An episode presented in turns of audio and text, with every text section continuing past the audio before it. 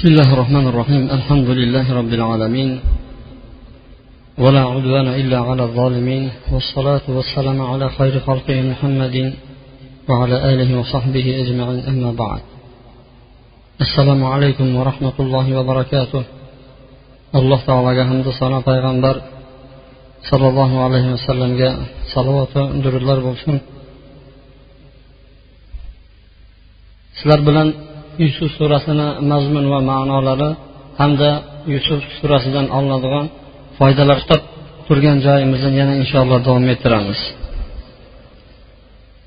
Oldingi jumadagi suhbatimizni biroz eslab o'tib yusuf alayhissalom tushma tabirini judayam mohirlik bilan yechib bergandan keyin podshoh uni o'zini huzuriga chaqirib podshohni huzurida oliy bir mansabalarni egallagandan keyin uni oldiga aka ukalarini kelganligini gaplashdi. Aka ukalari kelgan paytda indigi kelgan safar ota bir bo'lgan ukangizlarni ham olib kelinglar degan talabni qo'ygan edi. Bular buni biz uddasidan chiqishga harakat qilib ko'ramiz buni adasidan olish qiyinroq.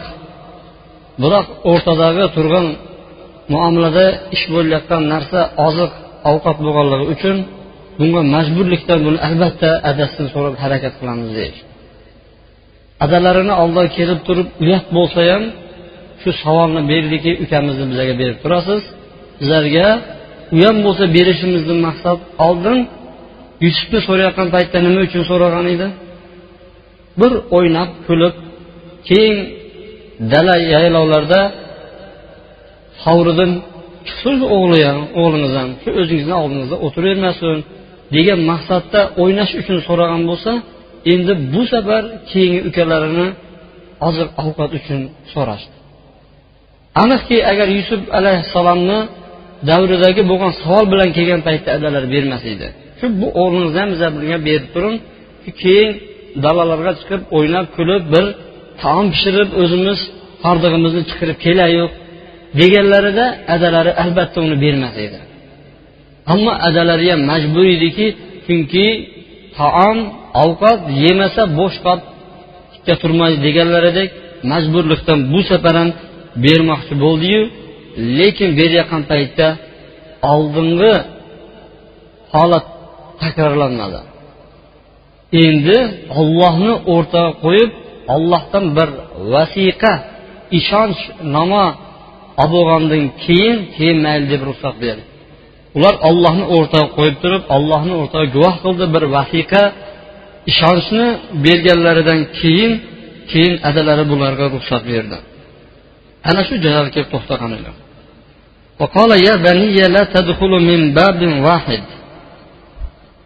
Otalari bu o'g'illarini yubora turib hamma otalar o'zini farzandlariga qiladigan nasihatni yaqub alayhissalom ham o'zini farzandlariga qila boshladi. Ey farzandlarim sizlar hammangizlar bir eshikdan kirib bormanglar. Har turli eshiklardan kiringlar olloh tomonidan yetadigan biron bir narsa bo'lsa man sizlarga foyda berolmayman va zarar ham keltirolmayman. Olloh tomonidan keladigan biron bir narsani man aritolmayman dedi. Hukm qilishlik bu ollohni uchundi xosdir. Alayhi tavakkaltu man unga tavakkal qildim. Va alayhi tavakkul qiladigan kishilar ham u zotni o'ziga tavakkul qilishversin dedi. Mana shu nasihatni farzandlariga berdi. Bu oyat haqida ulamolar judayam keng turli ma'nolarni berishgan ekan. Bu farzandlariga qilayotgan nasihatlardan bilamizki ilgarigi odamlar bu rivojlanish kam bo'lgan ularda. Ularda taraqqiyot manbai uncha o'sgan emas ularda. Ular judayam ko'p narsani bilishgan emas. Hozir mana bizlar bilyapmiz. Osmonni ichidagi narsalaru yerni tagidagi bo'layotgan hodisalarni hammasini bilyapmiz deb lof urishadi.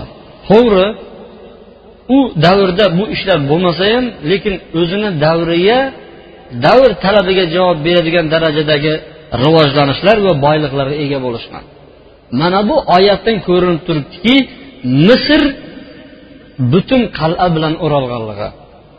Bu qal'a bir necha darvozalardan iboratligi ko'rinib turibdi uzoqqa ham bormayu mana shu o'zida ham shunday qal'alar bo'lgan. Bu qal'alarni bunyodga kelishlarini sababi nima uchun? Tashqi dushman yovdan saqlanishlik uchun bo'lgan. Mana sayranga qurilgan darvozani bilasizlar. Shuni tagiga qaranglar o'r qir. Odamlar kelgandagi barini chuqurlab tek tekib turib o'zlari tepazlikka joylashgan. Hozirgi paytda hozirgi paytda bir odam o'zini olib chiqayotgan payi yerini o'rab olishligi hammaga ham nasib qilmayapti. U paytda katta qishloq shaharlarni o'rab biladigan darajada kuchlar bo'lishgan. Dunyodagi eng katta o'ralgan devor qayerdadir xitoyda. Hozirgi bir paytda bunchalik kuchlarni mablag'ini sarflab turib hamma mamlakat ham hozir devor qurolmaydi. O'zini chegarasiga. Mana bu oyatdan ko'rinyaptiki farzandlarim sizlar bir eshikni kirib bormanglar. Dalolat qiladiki misr judayam katta shahar. U qal'alar bilan o'ralgan bu qal'alarni eshiklari ertalab ochilib kechqurun yopiladi. Bu karvonlarni kirishligi ham u yerdan amri mahol yopilib qolgandan keyin sizlar kirib ketayotgan paytda bir eshikdan kirmanglarda turli eshiklardan kirib boringlar. Nima uchun bu gapni yaqub alayhissalom aytyapti? Bu gap haqida turli tuman ulamolarni tafsirlari bor ekan. Shularni birinchisi ko'z tegish. Ko'z tegishlik shariatda bor. Ko'z payg'ambar sollallohu alayhi vasallam aytadiki otda ketayotgan kishini qulatadi deydi. Otni o'zini qozonga irg'itadi deydi. Ya'ni qozonda pishib yemish bo'lib ketadi. Odamni o'zini qayerda bo'ladigan bo'lsa ham otni ustida bo'lmoq tugul undan tepasida bo'lsa ham bir odamni ko'zi bo'ladigan bo'lsa uni yuqoridan pastga qulattirib tushadi. Ko'z bor shariatda. Ko'z o'tishlik bor. Payg'ambar alayhissalom nabiralarini tizzalariga qo'yib ko'z o'tishlikdan saqlaydigan duolarni payg'ambar alayhissalom o'qib qo'yardi har doim. Demak bu yigitlar nechta yigit bo'lib ketishyapti endi bu safar? O'n bitta aka ukalar. Qaddi qomati nihoyatda kelishgan.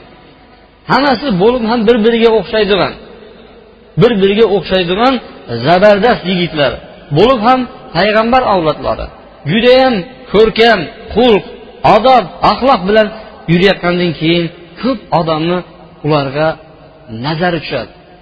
Ammo ko'zi bor odamlar shularga to'satdan qarab qoladigan bo'lsa ularga ko'zi o'tib qolish ehtimoli borligi tufayli yaqub alayhissalom bir eshikdan kirib bormanglar sizlar. Hamma eshikdan kirsangizlar bu bilinmay qolasizlar degan tafsirni ulamolar aytishgan ekan lekin bu oyatda ko'zlangan maqsad bu emas edi deyishadi ba'zi mufassirlar. Boshqa mufassirlar aytadiki sizlar shunaqa bir zabardast yigitlarni kirib kelayotganini ko'rib bu shahar ahli qo'rqishi mumkin. Bularni niyati yaxshi bo'lmasa kerak. Shunday yigitlar kirib kelyapti bu o'g'rimi qaroqchimi deb turib sizlarga beradigan narsasini ham bermay qo'yishi mumkin. Mana shuning uchun bo'lsa kerak. Deb aytsa uchinchi ulamolar mana shu uchinchi tafsirni kuchli deyish kerak ekan. Bu hamma ota o'zini farzandiga qiladigan bir nasihati bo'ladi. Ana shu nasihatni qilib qoldi xolos deb qo'yishgan ekan buni o'zini o'rnida gaplashamiz. Bu uchinchi tafsir bilan kelasi oyatlarda ma'nosi ana shunga dalolat qilar ekan kelasi oyatlar bilan bu bog'langanligi uchun uchinchi tafsirni o'zini joyiga qoldiramiz. Biron bir ofat musibat. Boyag'inaqa kelib qoladigan bo'lsa to'p bo'lib kelayotganlaringizda yoki bir ko'z o'tib qoladigan bo'lsa sizlarni har turli darvozalaringizga kirishi bilan u qo'limni meni yemaydi baribir hukm taqdir qilishlik musibatlarni daf qilishlik zararlarni yo'qotishlik bu ollohni qo'lida. Olloh nima qilaman desa ollohni o'ziga havola. Alayhi tavakkaltu. Bu borada man allohga tavakkal qildim. Sizlarni yuboryapmanu? Bu yuborishim bilan sizlar to'qqizta aka ukasizlar hech narsa yetmaydi sizlarga. Olinglar oldiringlar sizlarga hammasi bor yoringlar demasdagin sizlarni yuborarkanman. Alayhi tavakkaltu. Ollohni o'ziga suyandim. Ollohni o'ziga topshirdim. Va alayhi tavakkal qiladigan kishilar ham allohni o'ziga tavakkul qilishaversin kuchingizlarga yoki bo'lmasa adangizlar payg'ambar edi erta bir narsa bo'ladigan bo'lsa o'sha ham yordam berib qolardi degan gaplar bo'lmasin. Tavakkul qiladigan kishilar allohga tavakkul qilishaversinlar haqiqatda dunyoda hamma narsa zoil bo'ladi. Yo'qolib yo'q bo'lib ketadi dunyoda. Manman deganlar ham bo'ldi men seni orqangda turibman degan odamlar ham bir kun emas bir kun yerni tagida ko'rasiz ular yo obro' e'tibor mansabdan tushib qup quruq bo'lib ko'chalarda sarson bo'lib yurganini ko'rasiz. Demak odamga odam aslida tavakkul qilmaydi. Tavakkul qiladigan kishilar ollohni o'ziga tavakkul qilishaversinlar dedi.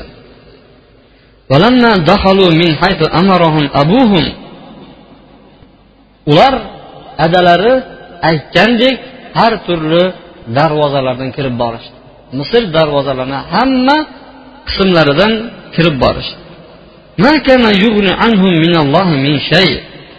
bu kirib borishlari olloh tomonidan bo'ladigan biron bir narsani to'sib qolmas edi.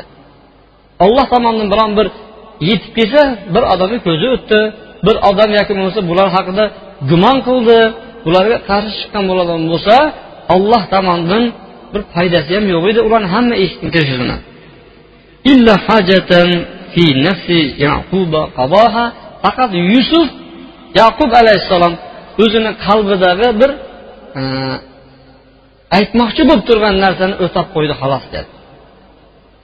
Yuqorida sizlar bilan aytdik hozir uchinchi tafsir ham bor dedik.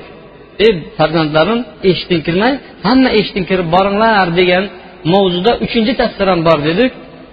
Odatda ota ulg'ayishi bilan birgalikda farzandlari adalarini mehrlari mollariga judayam kuchayib boraverar ekan shu bir gapni aytaman deydidagi bolasi bilan o'tirgan paytda aytolmaydi bolasi ketib qolgandan keyin e, shuni aytmayapman bu shuni aytaman deb turgan edim deydidagi yurak qisilib qiynalib yuraveradi. Keyingi safar ham aytaman deydi. Shu aytaman deb turib bolasi chiqib ketayotgan paytda esini chiqib ketgan yugurib boradi orqasidan to'xta ha nima bo'ldi? Bolam shoshmay sekin sekin yurlaring yo'lda. Deydi shuni aytmoqchi bo'ldingiz shu edi deydi. Judayam katta gap ham emas. O'zi aslida otalarni qalbida bir farzandlariga bo'lgan bir nasihat boru shuni aytmaguncha qalbi tinchimaydi. Bezovta bo'lib yuraveradi. Bu ham xuddi shunga o'xshagan bir gap edi deydi. Yaqub alayhissalom bolalarga aytdiyu bir eshikdan kirmanglar degan. Bu ham bir yaqubni qalbidagi bir narsa o'ralashib qolgan bir ish edi. Shuni aytdi degan shu bilan to'xtadi. Lekin aslida bu biron bir narsadan saqlayolmas edi buni gapi. Yaqub alayhissalom aytgan gapi biron bir narsani to'solmas edi. Faqat qalbidagi bir aytmoqchi bo'lgan gapini o'tab oldi. Xolos yaqub alayhissalom ilm egasi edi deyapti. O'zicha emas biz ta'lim berganligimiz sabablar. Biroq odamlarni ko'pi buni bilmaydi. Alloh subhanava taolo o'rgatar ekan ilmni beradigan olloh ekan. Falon odamni oldiga boruvdim shu manga judayam bari narsani o'rgatib qo'ydi deydi. Bu ish xatodir. Birinchi nisbat allohga berilishi kerak ekan. Ollohni o'zi ta'lim bermasa qiyin ekan. Shunday odamlarni bilamizki kuchli kuchli odamlarni oldiga borib turib sizni shogirdingiz bo'laman deyishgan siz o'rgating deyishgan lekin harakatdan alloh taolo bermagan ularga. Bu ilm berishlik ollohni bu xohish irodasiga tegishli ekan. Alloh taolo aytyaptiki biz ta'lim berganimiz sababli yaqub alayhissalom ilm egasi edi lekin buni odamlarni ko'pchiligi bilmaydi dedi. Misrga kirib kelishdi misrga kirib kelgan paytlarida aka ukalarini qandoq kutib olganligi va ularni qanday bir mehmon qilganligi haqida suhbat ketmayapti yusufni oldiga kirgan paytda yusuf ukasini o'ziga yaqin joyga joylashtirdi. Men mana men dedi. Men deb qo'ya qolmadi men albatta men deb ikkinchisini takrorladi. Sizni akangiz bo'laman. Mana bu akalaringiz qilgan ish bilan siz ko'nglingizni tushirolmang. Umidingizni uzib qo'ymang. Ya'ni bu akalarni shunchalik ish qildimi deb turib xotirjam bo'ling. Man sizni akangiz yusuf ya'ni ota ona bir bo'lgan akangiz yusuf man bo'laman dedi. Qur'oni karim buni qanday holatda aytganligini bizlarga bayon qilmayapti. Ba'zi tafsirlardan ma'lum bo'ladiki yaxshilab mehmon qilganligi hammasini ikkitadan bitta xonaga joylashtirib ular o'n bitta edi. Bu yolg'iz o'zi qolib ketgandan keyin yusuf alayhissalom o'ziniga yaqin tutganligi va shu hech kim akalari eshitmayotgan paytda mana shu so'zni aytganligi boshqa bir tafsirlarda bizlarga ma'lum bo'ladi. Qur'oni karimni shu yerda katta bir mo'jizasini bilamiz. Qur'oni karimdagi so'zlar yer yuzidagi eng a'lo eng boy so'z bo'ladi. Hamma tomonlama boy mutlaq yer yuzidagi birinchi navbatda turadigan bu arab tili. Shuning uchun alloh taolo qur'oni karimni arab tilida nozil qildi. U palon til judayam boy. Hamma hamma tomonlama buni isbotlash mumkin. Hamma tomonlama buni odam gapira bilishi mumkin degan gaplarni aytish mumkinu lekin arab tiliga baribir yetmaydi. Nima uchun? Mana bu bir kalimadan shuni isbotini bilsak bo'ladi. Ular yusufni oldiga kirishgan paytda ava ilayhi ahohu o'zini ukasini ivo qildi. Ivo kalimasi arab tilida bir so'z. Ava degani bitta so'z uni tarjimasi judayam ko'p ekan. O'ziga yaqinlashtirdi o'ziga qo'shdi o'ziga tortdi mehrini sochdi rahm shafqat qildi mehribonlik ko'rsatdi yuqori o'ringa qo'ydi degan kalimalarni hammasini o'z ichiga oladigan so'z ava degan kalima ekan. Buni tarjimasini qanday qilamiz bizlar shu so'zlarni hammasini bittasini tarjima qila bilamiz bizlar shuning uchun mana bu qur'onni o'zbekchasi deyilmaydi. Qur'onni o'zbekchasi ham bo'lmaydi boshqa forschasi ham bo'lmaydi. Qur'onni ma'nolarini tarjimasi deyiladi. Mana shu so'zlar juda yam qattiq e'tibor berishimiz kerak. Ana o'zbekcha qur'onchi degan gap durust gap emas. Qur'on ma'nolarini tarjimasi degan gap to'g'ri gap bo'lib chiqadi. Mana avvo kalimasi qur'oni karimda ishlatilyaptiki u judayam ko'plagan ma'nolarni o'ziga oladi. Hammasi boyagi o'ringa munosib judayam joylashadi. Masalan arab tilida ava toyru deydigan bo'lsa shu qushga ishlatiladigan bo'lsa o'zini ballarini qanotini ostiga judayam olib turganligini bildiradi. Bir birodarimiz bir voqeani aytib berdiki tovuqqa indikni tuxumini qo'yib turib jo'ja asirib jo'ja ochgandan keyin indikni bolalari kattaroq bo'ladi. Bilasizlar hammangizlar to'qqiztami o'nta ochdi deydi. O'zi yigirma kunda ochsa uni qanchada ochadi? Yigirma sakkiz kundami? Shuncha bosgan ochdi baribir yetaklab yuribdi deydi. Kechqurun kirdim deydi. Kirsam qanotini butun barini yoygan deydi. Qanotini tekis yoygan deydi. O'zi tikka turib uxlayapti deydi.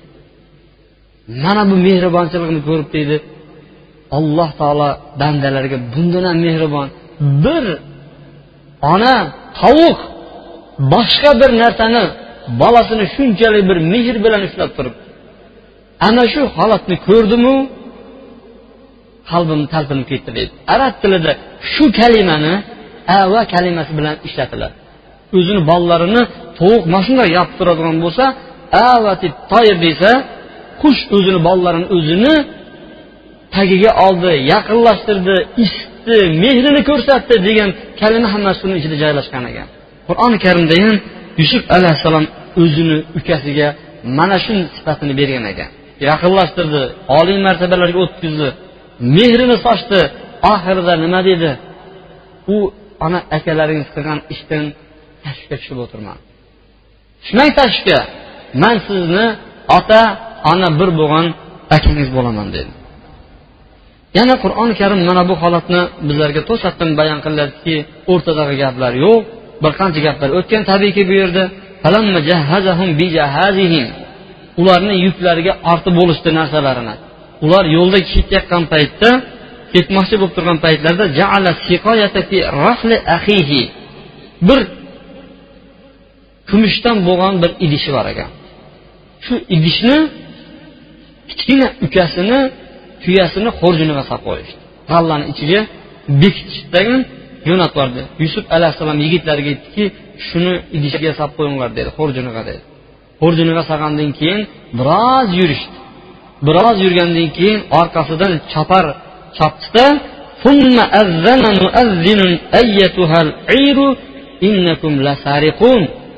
bilan? Jarchi voy karvon dedi. Sizlar o'g'ri ekansizlar dedi. Voy karvon sizlar o'g'ri ekansizlar deb turib jar soldi. Sizlarni ichingizlarda bir odam o'g'ri ekan ham demadi mana shu kalimalarga judayam diqqat e'tibor berib turishimiz kerakki qur'oni karim hamma so'zlarga judayam qattiq e'tibor bergan. Sizlar o'g'ri ekansizlar. Sizlarni ichingizlarda bir aniq odam o'g'ri demayaptiki u karvon o'g'ri ekansizlar dedi. Karvonni ichiga nima qildi? Umumiy suratda aytdiki karvon o'g'ri ekan dedi.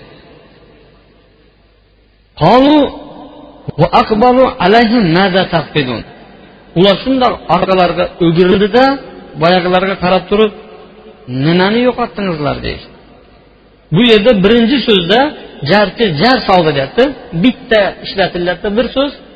Ikkinchi so'zga qaraganda nimani yo'qotdingizlar. Demak jarchi jar soldida orqadan boshqa odamlar ham yetib kelganligi bizlarga bayon bo'lyapti. Ularga qarab turib ho'p nima yo'qotdingizlar. Bu kalima shunday bir dalolat qiladiki ular aniq o'g'irlamaganligiga ishonchi komilligidan bo'lmasa ko'zlari pirpirab bir biriga qarab degan gaplar bo'ladi. Bular shundoq o'girib tagin nima yo'qotdingizlar o'zi? deb turib tiniqlik bilan javob berishdi. Podshoni bir shu idishi bor edi. Ichadigan bir idishi bor edi ana shuni yo'qotib qo'ydik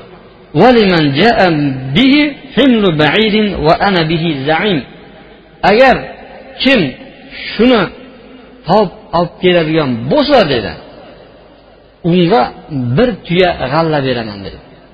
Bir tuya g'alla beraman va ana bihi zaim shunga man zominman dedi. Zomin degani nimadir kafilman dedi shunga man garantman dedi. kim shu narsani topib olib kelib beradigan bo'lsa man turibman uni orqasida dedi man javob beraman deb o'zini bo'yniga oldi قالوا تالله لقد علمتم ما جئنا لنفسد في الأرض وما كنا سارقين deyishdi yana ham yuqoridagidan tiniqroq so'zni aytdiki allohga qasamki sizlar bizlarni bilasizlaru dedi bizlar yer yuzida bir fasod qo'zg'ashlik uchun kelmagan edik dedi uni ustiga bizlar o'g'ri ham emasmiz dedi. Yusuf alayhissalom bular bilan o'tirgan paytda o'zlarini kimligini tanitganligi ham bular payg'ambar farzandlar yana bir karra uni xizmatchilariga eslatyapti. Biz yer yuzida buzg'unchilik uchun kelgan joyimiz yo'q. Shu bilan birga biz o'g'ri ham emasmiz. Qanday biz payg'ambar xonadonida hamma narsa topiladigan bo'lsa ham lekin o'g'irlik topilishi mumkin emas. Biz shunaqa aslzoda payg'ambarni farzandlarimiz bizlar bizlar o'g'irlamadik deb turib aniq aytishdi.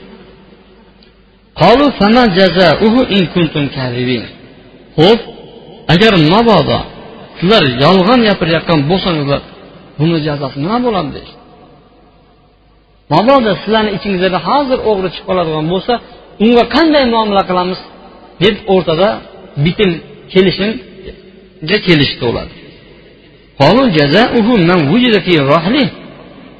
Uni jazosi kimni karvonida topiladigan bo'lsa fahuva ana o'sha jazosi. Fahuva jazau. Shu uni jazosi bo'ladi. Shu karvonni kimnikidan topsangizlar shu topgan tuyani egasi shu jazosi bo'ladi. Bu jazo haqida turli gaplarni aytgandan keyin shu olib qo'yadi tag'in bu odamni quli bo'ladi. Yo shu o'g'irlagan odamni topasizlarda jazosini shunga o'zingizlar berib yurasizlar. Biz o'zimizni shariatimizda zolimlarni mana shunday jazolaymiz dedi. Yaqub alayhissalomni shariatini bayon qildiki o'g'rini mukofot jazosi bizni shariatimizda shu o'g'rini o'zini jazolashlik dedi. Boshqa bilan bizani ishimiz yo'q zolimlarni bizlar shunday jazolab yurardik dedi. Mana bu oyatdan bizga ma'lum bo'ladiki yer yuzidagi eng katta buzg'unchilikni bittasi o'g'irlik ekan. Oyatda aytilyaptiki bilyapsizlarki biz yer yuzida buzg'unchilik uchun kelganimiz yo'q. Bizlar o'g'ri emasmiz dedi. Ya'ni buzg'unchilikni bitta ko'rinishi o'g'irlik ekan. Islomda o'g'rini hukmi nimadir? Qo'lini kesishlik. Bu juda katta jazo. Juda katta jazoni islom o'g'riga tayin qildiki bitta ikkita odamni qo'li kesilishi mumkin lekin boshqalar keyin o'g'irlik qilmaydi. Hozirgi jamiyatda bu hukmni eshitgandan keyin bu islom hukmini yomon ko'rishlikka sabab bo'layotgan sabab nima deb o'ylaydiki meni qo'lim yo'qolib qoladi deydi. Hamma qo'lsiz jamiyat paydo bo'ladi deydi. Chunki hamma o'g'risa. Kelib turib bu hukmlarni yomon ko'rishimizni asl maqsad sabablari ham shunda bo'lsa kerak allohu alam. O'g'irlik odam o'ldirishga sabab bo'ladi o'g'irlik oilalarni buzilishiga sabab bo'ladi o'g'irlik o'g'rini o'zini o'lishiga sabab bo'ladi o'g'irlik tuhmatga sabab bo'ladi demak yer yuzidagi katta bir fasodlarni bittasi o'g'irlik ekan. Bularni yusuf alayhissalomni davridagi hukmi ana shu o'g'rini o'ziga jazo berishlik edi.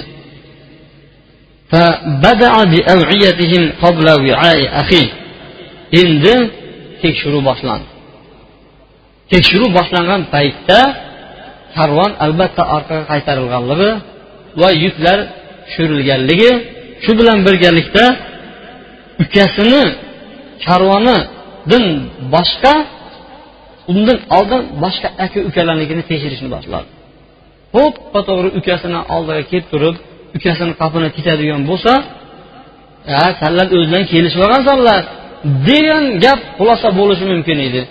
Lekin boshqasidan boshladiki akalaridan boshladi. Keyin shu ukasini karvonini ichidan idishni chiqarib olishdi. Biz yusufga mana shunday tadbirni bergan edik deyapti alloh taolo. Bu tadbirga ollohni o'zi rozi bo'ladi buni yusufga biz o'rgatgan edik. Biz bu makr hiyla qilishlikni ya'ni bu hiylaga yaxshilab e'tibor berishimiz kerak. Shariatda hiyla qilishlik mumkin lekin haqqa qarab turib ketayotgan ishga hiyla qilish mumkin. Oldingizda haq turibdi shunga hiyla qilishimiz mumkin. Ammo halolni haromga chiqaradigan vojibni pastga tushiradigan haromni yo'qotib yuboradigan hiylalar bo'ladigan bo'lsa bu mumkin emas. Masalan bir odamni zakot berish kerak. Bir kishini hozirgi kunda taxminan ikki yuz sakson ming ikki yuz ellik ming o'rtasida tangada puli bo'ladigan bo'lsa bir yil o'tgandan keyin shuni ikki yarim foizini zakot qilib chiqariladi. Qirqdan biri zakot qilib chiqariladi. Agar shu mablag'ini sanab ko'radi masalan bugun ramazonni birini keyingi ramazondan keyinda ko'radi. Qancha puli bor? Uch yuz ming. Qirqdan birini chiqaradi. Lekin hiyla qilyaptida bu ramazonga bir oy qolgan paytda hammasiga tan qo'ydi pul yo'q uyda. Namoz o'tgandan keyin hammasini sotib yana pulni joyiga qo'yib qo'ydi bu ollohni ibodatini bajarmaslik uchun bu hiyla bo'lyapti bu. Mana shunday hiylalar durust emas.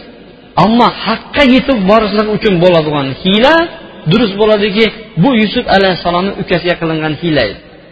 Tabiiyki yusuf alayhissalom ukasi bilan o'tirib gaplashgan ertaga man sizga mana shunaqa qilaman sizni olib qolaman shu ishlarga siz rozi bo'lasiz.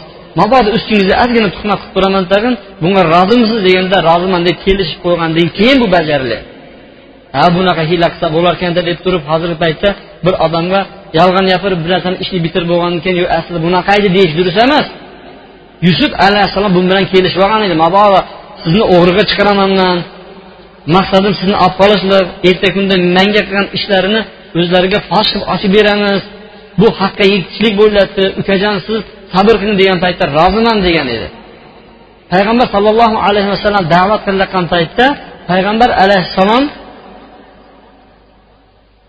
bir yahudiy qattiq hajviya qiladi. Ana shu yahudiydan o'ch olishlik uchun bir sahoba keladiki ya rasululloh shuni manga bering man o'zim ishni bitiraman deydi. Bo'pti demdi ho'p bitiring deganda bitta iltimos siz haqingizda bir bir nojo'ya gaplarni gapiraylik deydi sizni haqingizda sizga durust bo'lmagan gaplarni gapiraylik deganda sizga ruxsat dedi. Maslama degan sahobaga payg'ambar alayhissalom o'zlari haqida tuhmat gapni gapirishligiga rozilik bergan ekan.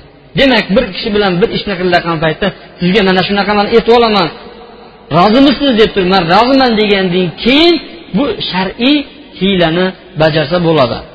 Bo'lmasa ko'p odamlar mana bu hiyladan boshqa bir o'rinlarda foydalanib ketishi mumkin ekan. Alloh taolo qur'oni karimda aytgan ediki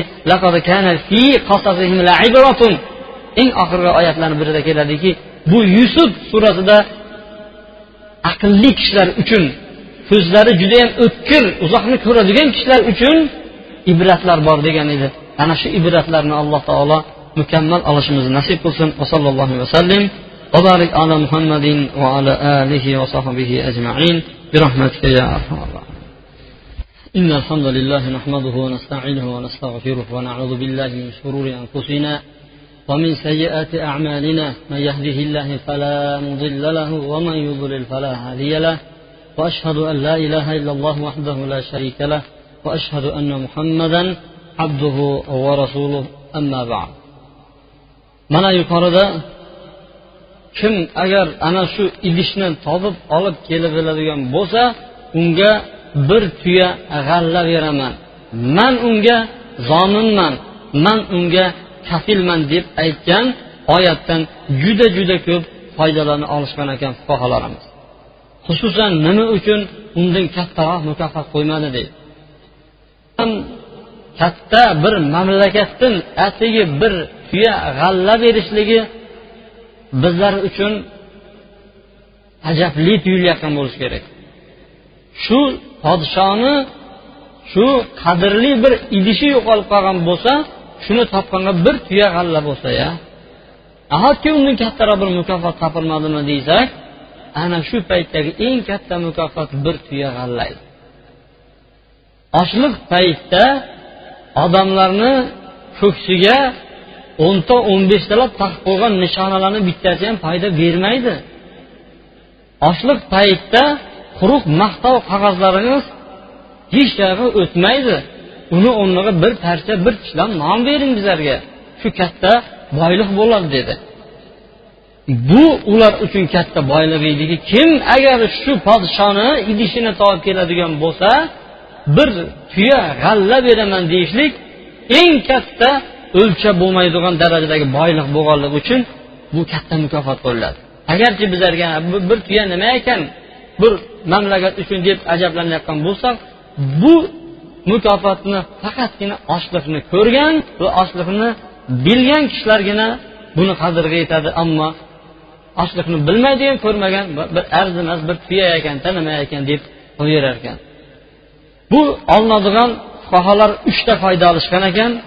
Mana shu oyatdan birinchisi jaola ikkinchisi zamon uchinchisi kafolat bo'limlarini olishgan ekan. Ya'ni birinchisiga to'xtaladigan bo'lsak jaala degan bob bor fiqda biron bir narsa tikish degan so'z bizni tilimizda. Pul tikishni nimadir shuni jaola deydi. Masalan bizda judayam ko'p mashhur bo'lgan uloq. Ko'kpar deydimi? Ana shu ulohda bir odam pul qo'yayotgan bo'lsa joiz va olayotgan odamlarni puli ham shu yengarlarnikini joiz halol bo'ladi. Ammo shu o'ynayotgan odamlarni o'zi o'rtaga pul tashlashib turib shu pulini yeb qo'yadigan bo'lsa harom. Shu pulga hammasi borib turib choyxonada osh yesa bir odam olmasin turib joiz. Ammo bir odam olgandan keyin uni taomini boshqalar ham yeydigan bo'lsa bu durust emas. Shart o'zlaridan biron bir mablag' chiqmaslik kerak. Mablag' chiqmaslik kerak boshqa bir odam ya'ni homiy ularga shu pul tikadigan bo'lsa shuni orqasidan yenggan odamlarga mukofot beradigan bo'lsa joiz. Yo bir odamni biron bir narsasi yo'qolib qoldi. Kim shuni topib keladigan bo'lsa ming dollar beraman. Deb aytishligi fiqda bu joiz halol bo'ladi. Shuni ichidagi puli shu odamnikiyu lekin ustidagi hamyonini qaytarib bera qolsin agar tillodan bo'ladigan bo'lsa. Deb aytishlik joiz bo'ladi. Xuddi mana shu oyatga o'xshab kim menga shu narsani olib keladigan bo'lsa bir g'alla tuya dedi. Agar bu joiz bo'lmaganda buni joiz emasligini qur'oni karim yo payg'ambar alayhissalom bizlarga bayon qilgan bo'lardi ammo hozirgi paytda kelsa ham kelmaydi ham ba'zi bir ishlarga pul tikishlik joiz emas. Masalan man ikki yuzta somsani yey bilaman. Yo'g'i yeyman qancha berasan? besh yuz beraman. deb somsa yeydigan bo'lsa bu shariatga xilof.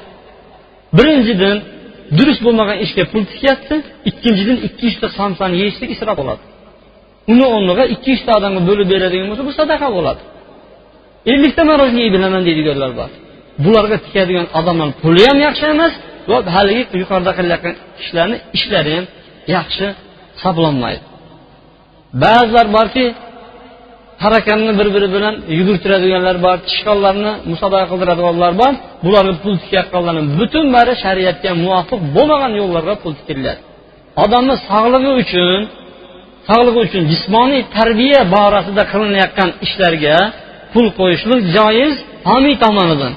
Lekin ishtirokchilarni o'zlaridan tomonidan tikilishligi esa bu harom bo'lib qoladi bu qimorni aynan o'zi hisoblanar ekan demak birinchisi jaala degani pul tikishlik halol ishlarga shariat ruxsat beradi. Ikkinchisi va uchinchisi deyarli fiqda bir biriga o'xshash boblar domon va kafil biron bir ish bo'ladigan bo'lsa qo'shnim ko'p qiynavermang mana man o'rtaga turaveraman mana man kafilman bermaydigan bo'lsa deb o'rtaga kafil buyursin yoki bir bitmayotgan ishlarga man kafilman o'zimni bo'ynimga olaman bularga tegmay qo'yaveringlar deyishlik ya'ni bu zimma uni bo'yniga o'tib ketishligi dalolat qilib turib fuqarolar mana shunga ruxsat berishgan ekan barakallohu li ولكم ولسائر المسلمين من كل ذنب فاستغفروه إنه هو الغفور الرحيم bolalariga nasihat qilib bitta eshikdan kirmanglar dedi. Mana bu qilgan ishlari bilan shariatda sabablarni amal qilishligini ko'rsatib beryapti. Bir odam ko'zi o'tmasligi uchun nima ishlar qilish kerak? Shariatdagi bor bo'lgan ishlar bilan saqlanishlikka harakat qilish kerak. Masalan ko'zmunchoq taqishlik bormi? Yo'q. Jahiliyat paytida nima takrorlangan bo'lsa shuni haromligini bilsa ham bizni davrimizda ham topilib yurar ekan. Jahiliyat paytida ko'zi o'tmasligi uchun kalish ham osilgan yo'q. Sigirlarga hozir paytdan ko'rganmisizlar kalish aslga qolgan subhanalloh bu shayton baribir shu ilgari bo'lgan ishlarni ham qayta vahiy qilib berar ekan o'zini o'rtoqlariga. Hozirgi ham xuddi shundoq shu sigirni ko'zi o'tmaslik qizil lattasi bormi boshqasi bormi barini qiladi. Lekin bu shariatga mos keladigan sabab emas. Ammo shariatga mos keladigan sabablar duolarni o'qib berishlik. Yoki mana keyingi foydada ko'rinadiki ellik sakkizinchi foydada inson o'zidagi shubhalarni yo'qotib yurish kerak odamlarda bu yigitlar judayam zabardast kuchli yigitlar bo'lganligi uchun shuni adashib nima qilib tarqatib ya'ni sizlarni ko'rib turib odamlar shubhada bo'lmasin ikkilanib turib bular o'g'ri qaroqchilar deb turib sizlardan bir yomon bir munosabatlarda bo'lib yurmasin tagin. Shuning uchun alohida alohida bo'linglar deb turib inson o'zidagi shubhalarni yo'qotishga harakat qilish kerak. Bir odam bir tuhmatga uchragan bo'lsa shu tuhmatni indamay yuravermas kerak ekanda odam. Odamlarni oldida bir kun kelgan paytda o'zini oqlab olishlikka harakat qilish kerak ekan. Tuhmatga uchragan odamlar albatta mana shu dunyoni o'zida oqlanadi oxiratda endi oqlanadi lekin shu o'rni kelgan paytda odamlarga o'zini ochiq toza ekanligini e'lon qilib qo'yish kerak bo'lar biroq sabablarni o'zi ollohni tomonidan bo'ladigan qadarlarni birontasini to'sib bir odam bir mashina sotib oldi mashinasida ayrbagi bor ekan bilasizlar yostiqlar chiqadi bo'lgan shunda ikkinchi bu nima keragi bor masalan bunisi yuz tanga tursa bunisi yuz o'n yuz o'n tanga turadi. Bu sanga nima keragi bor uni? Bu isrof bo'ladi desa to'g'rimi to'g'ri emas. Ikkalasiniki ham noto'g'ri bo'lishi mumkin ikkalasiniki to'g'ri ham bo'lishi mumkin. Faqatgina bu yerda e'tiqodga yaxshilab e'tibor berib turish kerak. Masalan birinchisi sotib olyapti. Sotib olayotgan paytda mana shu airbag meni saqlab qoladi deb sotib oladigan bo'lsa buni e'tiqodi bitta bo'ldi. Ollohni esini chiqardi u sababga tavakkal qildi. Allohga emas. Buniki nima qildi? Noto'g'ri bo'ldi. A ikkinchi o'rindagi odam aytyaptiki uni ko'ra buni yuzga sotib o'nini sadaqa qilib yubor bu saqlayolmaydi mana seni deydigan bo'lsa buniki ham xato chunki sabablarga ham amal qilish kerak. Sabab ham bor narsa. Ammo ming ba'zi sabablarni qo'yib oldidan ham orqasidan ham tagidan ham yaxshi chiqadigan bo'lsa u ollohni bir balosi keladigan bo'lsa saqlab qololmaydi ular hammasi shu bilan birgalikda mana bu yerda olinadigan foyda musulmon kishi sababga tavakkul qilmaydi allohga tavakkul qiladi va sababga amal qiladi. Hozir shayxon aytdi mana buni qilib olish kerak ekan. Deb turib shu sabablarga amal qilib turib tashqariga chiqilar ekan hozirgi paytda tortilayotgan rem o'xshagan. Tushunarli xuddi shunga bu rem saqlaydi meni deydigan bo'lsa unda boshqa gap. Yana hozir chuqurroq kirib ketsa boshqa bir masalalarga o'tib ketamiz. Oltinchisi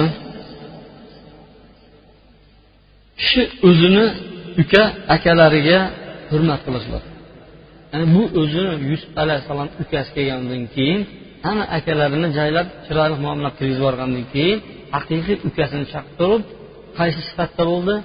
Avva sifatida bo'ldi.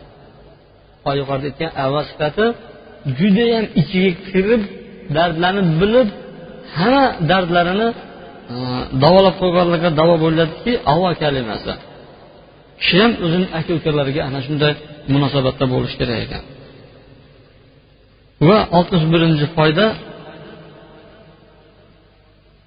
uni keyingi jumada ham o'rganamiz lekin ozgina joyi shu yerda aytib ketiladigan joyi bor ekanki shar'iy hiyla qilishga bo'ladi.